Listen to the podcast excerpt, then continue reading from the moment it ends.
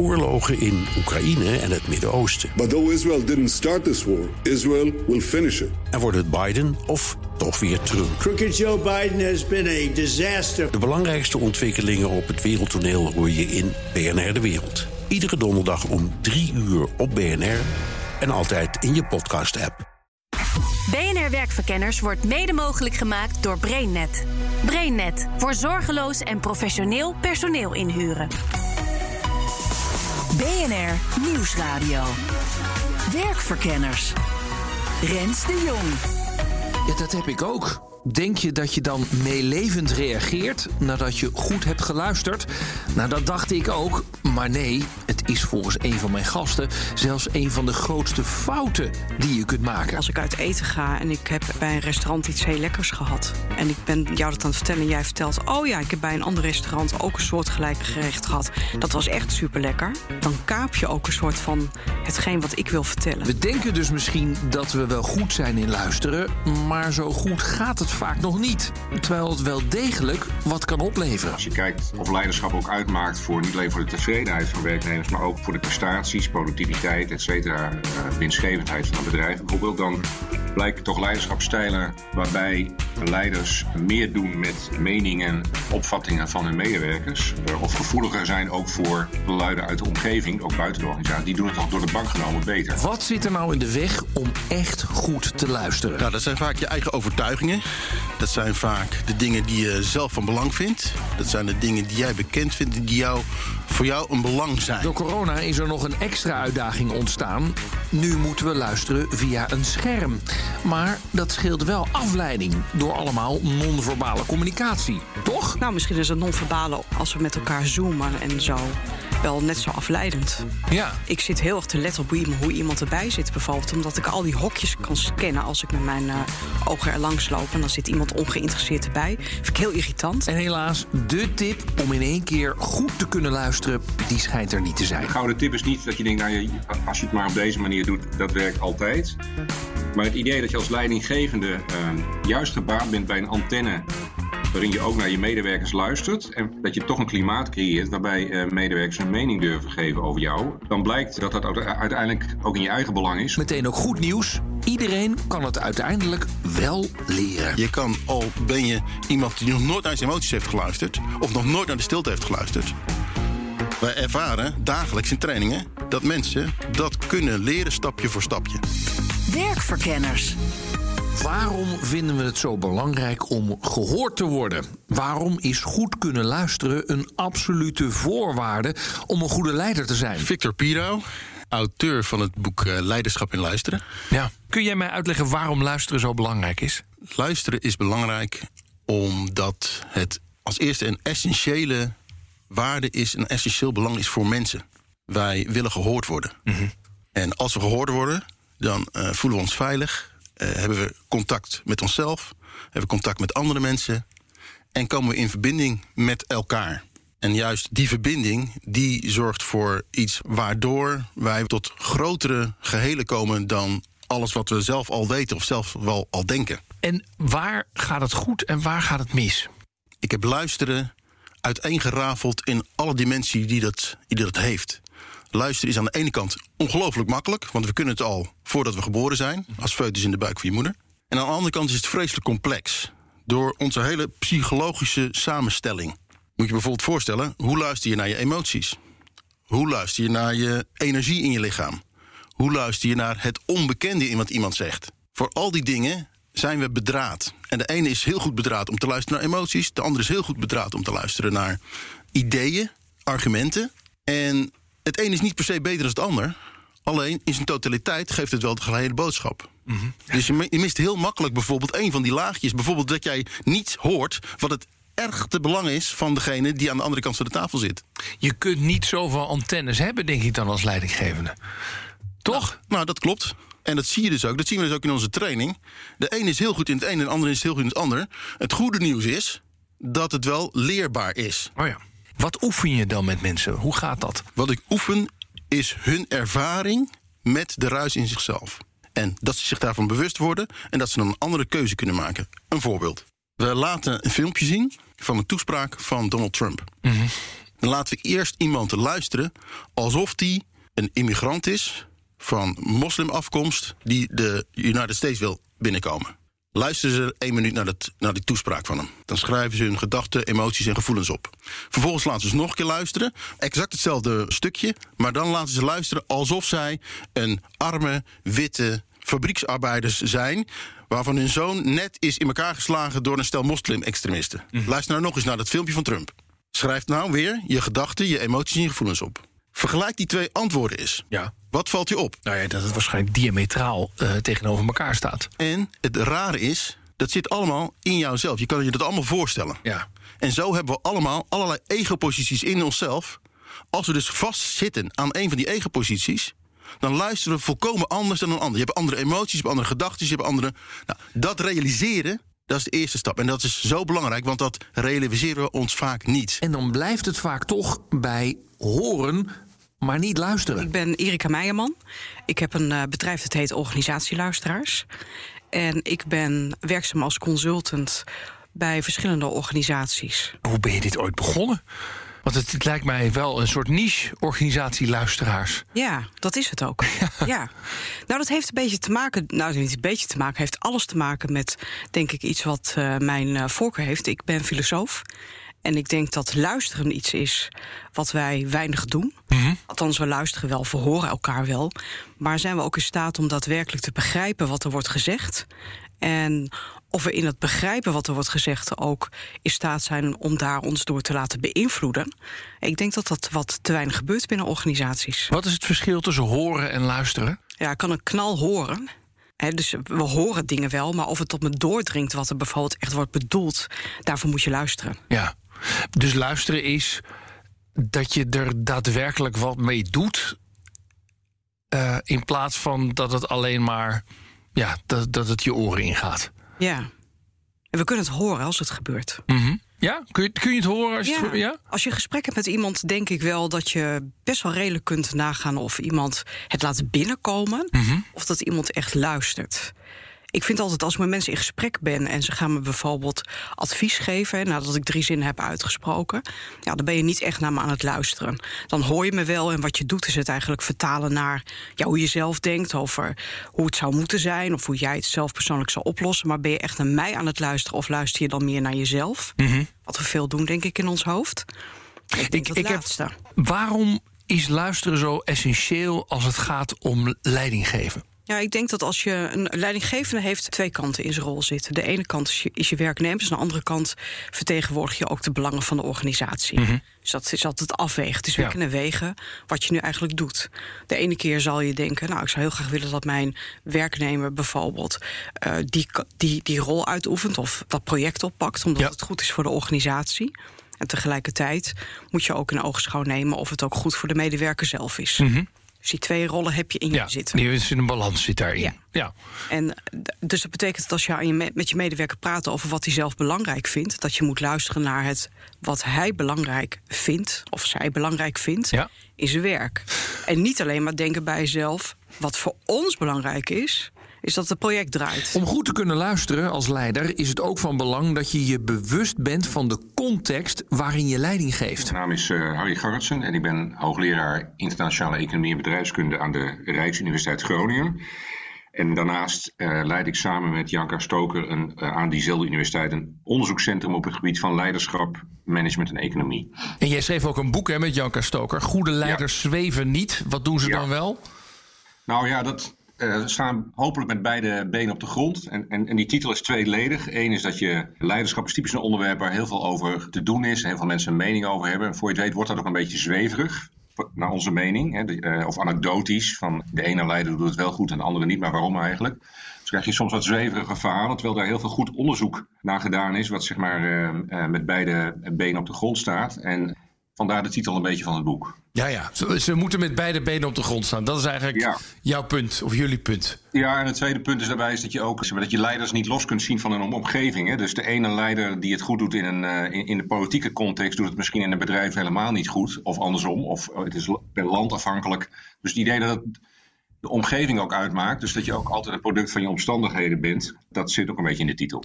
Wij hebben deze uitzending over luisteren. Mhm. Is dat een van de taken van een goede leider? Ja, dat lijkt mij wel. Dus het varieert natuurlijk een beetje naar, eh, ook daar weer naar de, of je in een organisatie zit eh, met een sterke hiërarchie of niet. Maar ook, ook daar zal gelden dat helemaal top-down, eh, dus volstrekt directief, zonder te luisteren, gaat het niet. Dus goede leiders zijn ook afhankelijk van informatie en feedback van hun medewerkers, uiteraard. En zijn leiders er goed in, luisteren? Dat vinden ze zelf vaak wel.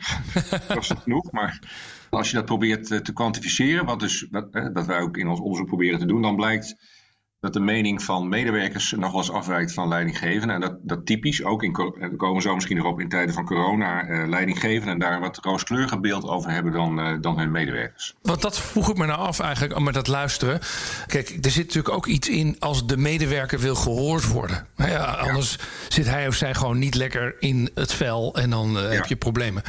De vraag is dan eigenlijk voor wie is dat luisteren nou het belangrijkst? Voor die medewerker, want anders voelt hij zich niet ge- gestimuleerd. Of voor die baas, zodat nou ja, de informatie uit die organisatie naar boven komt. Nou, voor allebei. Dus eh, je kunt niet dus, het heeft een verschillende functie. Voor die leidinggevende is het meer eh, om ook eigenlijk zelf beter te kunnen presteren voor waar zij of hij voor als leider is aangesteld. Door met die feedback en die, en die informatie wat te doen. En uit onderzoek is ook wel heel erg gebleken vanuit het perspectief van de medewerker dat tevredenheid over je werk en ook eh, je willen inzetten voor je organisatie heel erg afhankelijk is van of je ook je serieus genomen voelt door je leidinggevende en letterlijk gehoord voelt. Nou, we weten nu waarom luisteren zo belangrijk is. Dan is het ook wel handig om wat tips te krijgen over hoe je dat dan goed doet. Op het moment dat iemand tegen je zegt: Oh ja, vreselijk, dat vind ik zelf ook altijd heel erg. Dan is iemand eigenlijk veel meer bezig met de vertaling naar zichzelf. En bezig met zijn eigen eh, manier van denken. dan dat hij bezig is om echt te luisteren. Nou, hoe het dan wel moet, dat hoor je zo meteen. Rens de Jong. Maar eerst eens kijken naar wat corona doet met de noodzaak om te luisteren en met ons vermogen om te luisteren. Nu blijkt bijvoorbeeld dat overlevingsmechanismen die bij een eerdere crisis goed werkten, in deze coronacrisis slecht uitpakken. Die coronacrisis heeft dus twee aspecten. Namelijk, het is een gezondheids- en economische crisis aan de ene kant. Dus het is voor de meeste organisaties bedreigend. eh, net zoals de financiële crisis dat tien jaar geleden was. Nou, vanuit dat aspect, en als je dat het hebt over luisteren en leiding geven, dan eh, zie je heel erg dat een crisis, dus een dreiging van buitenaf, leidt tot, bij leidinggevenden tot de neiging om minder naar medewerkers te gaan luisteren en meer zich directiever op te stellen, omdat de urgentie van we moeten dit overleven en we moeten deze crisis doorkomen, die, eh, die, dat overheerst dan. Dus dan, dat is voor als je eh, denkt luisteren is goed, dan, dan is zo'n crisis niet goed, want dan wordt er minder geluisterd. Maar goed, het bijzondere van de coronacrisis, en dat is dus het tweede aspect, is dat we dus met z'n allen thuis moesten gaan werken. In één keer met z'n allen, van de meeste Nederlanders. En dat thuiswerken noopt wel tot eh, de noodzaak om meer te gaan luisteren. Want eh, eh, letterlijk en figuurlijk komen leidinggevenden en medewerkers meer op afstand. We zitten via schermen met elkaar te praten. En dat maakt dat luisteren belangrijker wordt. Want ook al zou je directief willen zijn, ook al zou je meer top-down willen zijn, omdat misschien de crisis, de economische crisis, de gezondheidscrisis, als een soort reflex je daartoe aanzet, je kunt het niet omdat je medewerkers eh, niet meer in hetzelfde gebouw zitten en eh, tot, eh, letterlijk niet meer zichtbaar zijn. Dus dan moet je ze wel meer ruimte, meer autonomie geven. En, en dat vinden leidinggevenden lastig. Ja, ja. En, en jullie hebben ook onderzoek gedaan, hè? Ja. Of, of dat nou gebeurt of niet. Vertel. Ja, nou dat is precies waar we het in het begin ook een beetje over hebben. In mei, april hebben we een grote survey, dus tijdens de eerste lockdown, gedaan onder zowel leidinggevenden als medewerkers. En dan blijkt uit het leidinggevende, die rapporteren dan, zeggen nou, wij, wij geven inderdaad meer ruimte aan, eh, aan onze medewerkers. Eh, dus meer delegeren, meer autonomie. Dat scoren ze zichzelf behoorlijk hoog op. Als je dat dan aan die medewerkers vraagt, ervaar je dat ook zo eh, van jouw leidinggevende? Dan is het antwoord nou heel mondjesmaat. Dus leidinggevenden die dat overigens wel doen, want er zit natuurlijk altijd variatie in. daar blijkt dan uit dat in die organisaties, zowel volgens leidinggevenden als hun medewerkers, de productiviteit eerder is toegenomen dan afgenomen de afgelopen maanden. Dus dat is best opvallend. Maar luisteren blijft ook in coronatijd gewoon luisteren. Eigenlijk in essentie is het niet zoveel anders dan voorheen. Wat er wel gebeurt is dat mensen bijvoorbeeld zich meer zorgen maken. Meer in angst zitten. Dus mensen hebben al, zitten veel meer vast in hun eigen posities van eh, waaruit we automatisch handelen. het moment dat je dat realiseert, ja, dan kan je daar net zo goed afstand van nemen als wanneer je niet in die angst zit. Alleen het is dan lastiger. Wat je wel ziet, is dat we door, wij zijn nu fysiek met elkaar aanwezig in een studio. Ja. Vaak zitten nu mensen online te werken. Dat is ook iets wat een effect heeft op luisteren. Want je kan je minder goed concentreren. Je zit de hele dag naar een schermpje te staren. Voor veel mensen is dat lastig. Maar als jij als leidinggevende of als manager een luistersituatie kan scheppen. waardoor mensen veel makkelijker aanwezig kunnen zijn. dan hoeft het helemaal geen probleem te zijn. Als ik naar mezelf kijk, vanaf het begin van corona kwam ik in een veel grotere creatiespiraal terecht. Want we moesten opeens iets gaan ontwikkelen wat er niet was. Online training luisteren. Kan je dat voorstellen als ik het tegen je zeg? Maar het kan dus wel en het werkt perfect.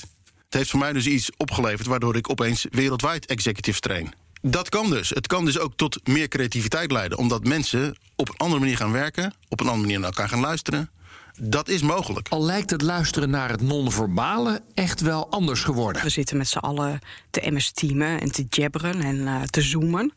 En dan eh, zien we elkaar op het scherm. En ik merk zelf als ik eh, bezig ben eh, met een overleg online... dat ik altijd naastig op zoek ben om oogcontact te maken. Dat krijg je niet, hè? Want die camera Nee. zit niet midden in het scherm. Je zit niet midden in het scherm. Nee, precies. En als ik het wel heb, omdat iemand heeft ontdekt hoe die in de camera moet kijken, dan denk ik dat iemand me misschien aankijkt. Maar die kijkt me natuurlijk helemaal niet aan, die kijkt in de camera. Ja. En volgens mij, als je in een camera kijkt, kan je de rest weer niet zien. Dus we raken iets van de manier waarop wij met elkaar contact kunnen maken, raken we volkomen kwijt. Maar even, luisteren doe je toch met je oren? Dus niet met je ogen. Ook, Ja? ook. Want? Wij praten toch ook non-verbaal? Ja, dat is waar. Nou ja, het grappige is, soms doe ik dit soort interviews als mensen niet bij mij in de studio staan. Ja. En soms vind ik dat wel prettiger om te doen, omdat je je niet laat afleiden door allerlei hoe mensen het doen of onzeker zijn. Ben je echt alleen maar met je oren bezig? Ik, ik doe dan met een interview vaak ook mijn ogen dicht, omdat ik dan gewoon goed kan luisteren.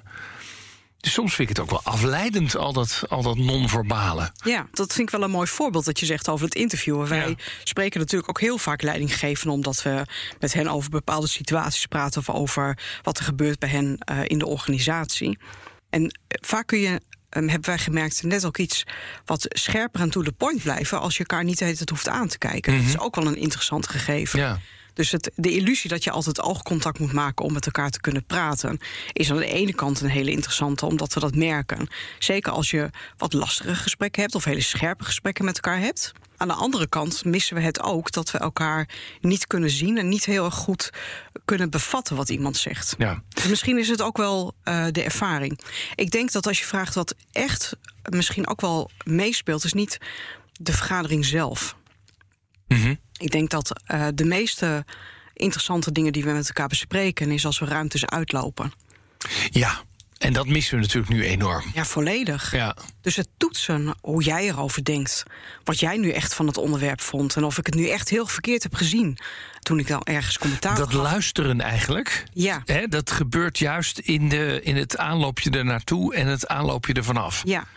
En dat zijn we kwijt. Dus we hebben het te doen met puur sec dat ene moment dat we elkaar zien online. Ja. Mag ik daar nog een tweede Ja, aan toevoegen? Zeker, zeker. Wat corona, denk ik, doet, is dat wij thuiswerken. En corona die verplicht ons eigenlijk tot het nieuwe werken, zoals dat heel lang is genoemd.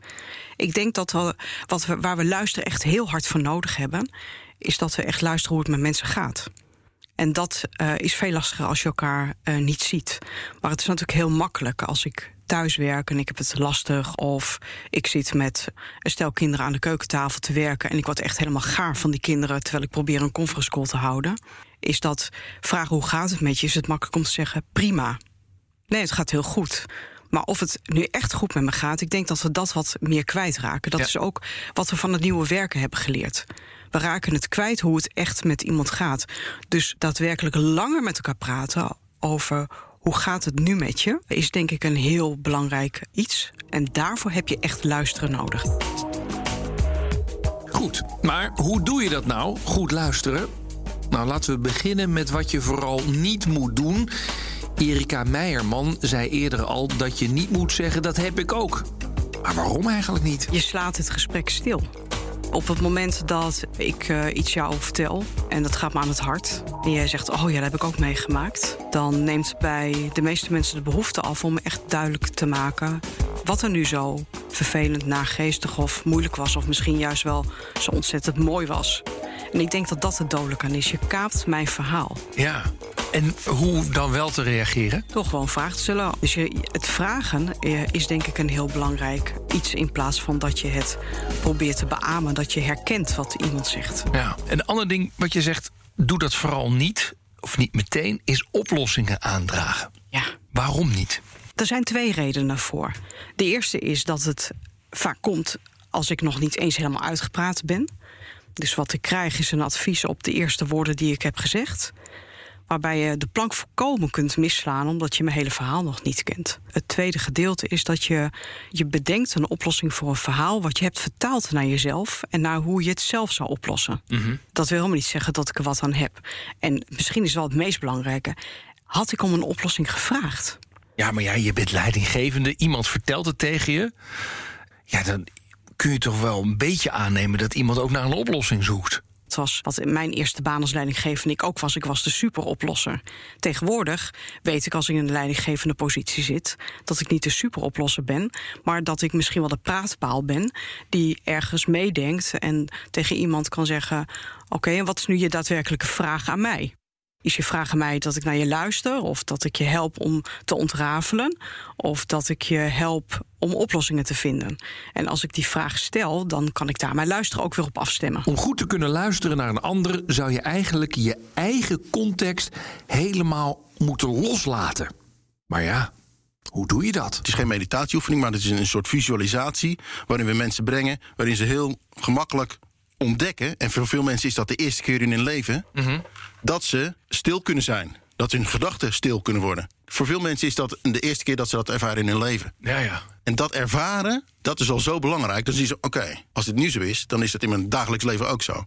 En één keer die ervaring gehad hebbende, is het veel makkelijker om daar naartoe te gaan. En natuurlijk moet je dat vaker en vaker doen om dat Maar, eh, maar te dat, is, trainen. dat is tussen aanhalingstekens de truc, is om die gedachtes stil te leggen. Als je aan het luisteren bent, als je in gesprek bent met Op het iemand. cognitieve niveau gaat het over gedachten. Ja. Dat is die gedachten stilleggen. Ja, Ja. dat is de truc daar. Op het empathische niveau gaat het over je emoties kunnen zien... en die ook daar in stilte bij kunnen zijn. Ja. Dus eigenlijk in stilte bij je gedachten zijn... of je emoties zijn, of de behoeftes zijn... of wat dan ook maar zijn. Ja, dat is eigenlijk de truc, ja. Misschien werkt het als extra motivatie om te luisteren als je weet welk prijskaartje hangt aan het niet luisteren. Luisteren zorgt voor psychologische veiligheid.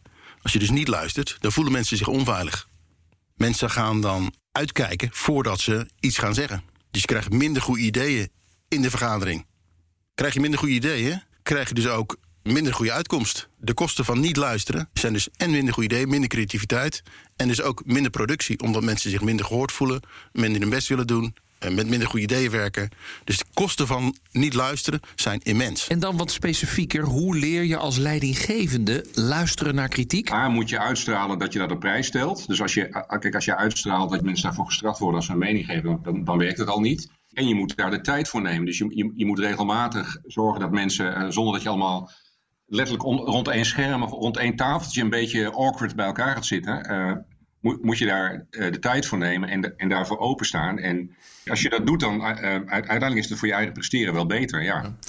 Ben, ben je er zelf eigenlijk goed in? Dat is een hele gewetensvraag. Ja, ja dat kan beter. In, in lijn met dit gesprek moet ik natuurlijk zeggen, ik, moet, ik kan altijd beter luisteren. Nou, ik ben, dat is op zich wel interessant, want ik, ben, ik, werk natuurlijk al, ik heb niet altijd aan de universiteit gewerkt, maar ik heb er lang gewerkt. En ik heb daar ook allerlei bestuursfuncties vervuld. Dus ik ben decaan geweest van de faculteit Economie en Bedrijfskunde Groningen.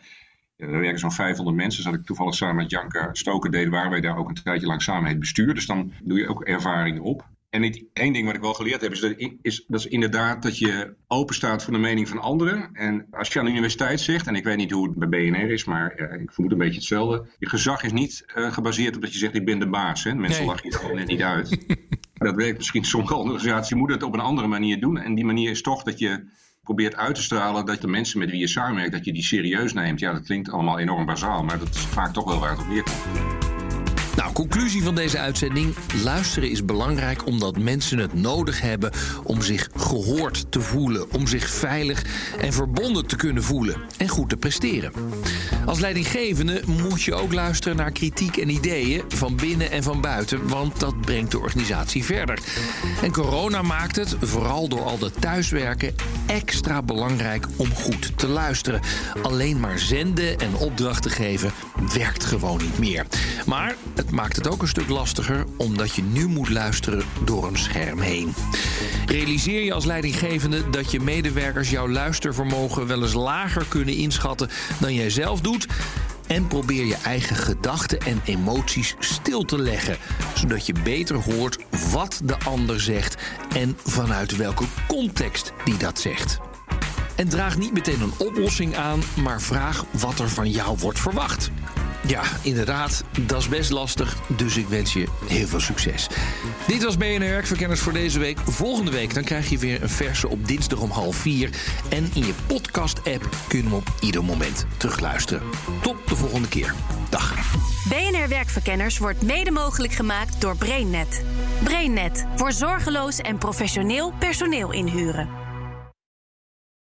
Ook Liesbeth Staats vind je in de BNR-app. Ja, heel handig. Luister live naar Kees en mij tijdens de Daily Move. Dan blijf je ook gelijk op de hoogte van breaking news en het laatste zakelijke nieuws. En daar vind je ook alle BNR-podcasts, waaronder de Perestrooikast. Download nu de gratis BNR-app en blijf scherp.